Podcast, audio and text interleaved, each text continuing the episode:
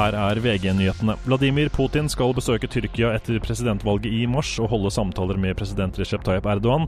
Det opplyste Kreml i dag og siteres av Reuters.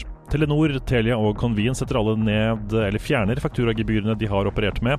Det skjer etter at Forbrukertilsynet varslet vedtak mot selskapene. F.eks. reduserer Telenor prisen på papirfakturagebyr fra 79 til 6,50.